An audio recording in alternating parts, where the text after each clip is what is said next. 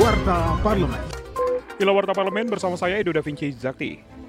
Ketua Komisi 2 DPR RI Ahmad Doli Kurnia Tanjung mengungkapkan Komisi 2 dan pemerintah menyepakati pembahasan rancangan Undang-Undang 8 Provinsi dan segera membentuk panja atau panitia kerja yang akan mulai bekerja setelah masa riset mendatang. Politisi fraksi Partai Golkar itu melihat ada 20 provinsi dan 271 kabupaten kota yang dasar hukumnya masih mengacu pada Undang-Undang Republik Indonesia Serikat. Dirinya berharap RU 8 provinsi itu dapat memperkuat kejelasan dan penyelesaian berbagai permasalahan yang dihadapi wilayah tersebut.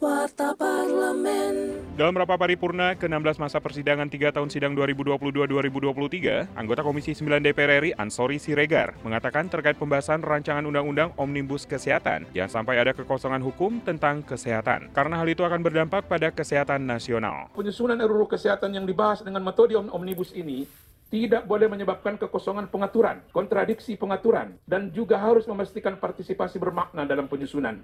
Mengingat banyaknya undang-undang yang akan terdampak dalam penyusunan RUU tentang kesehatan ini. Di samping itu, Sebelum draft undang-undang kesehatan diputuskan sebagai draft undang-undang inisiatif DPR RI, sebaiknya harus dilakukan konfirmasi ulang kepada 26 pemangku kepentingan yang telah memberikan masukan dalam RDPU di balik DPR RI. Apakah hasil penyusunan draft RUU kesehatan ini sudah sesuai dengan berbagai masukan mereka?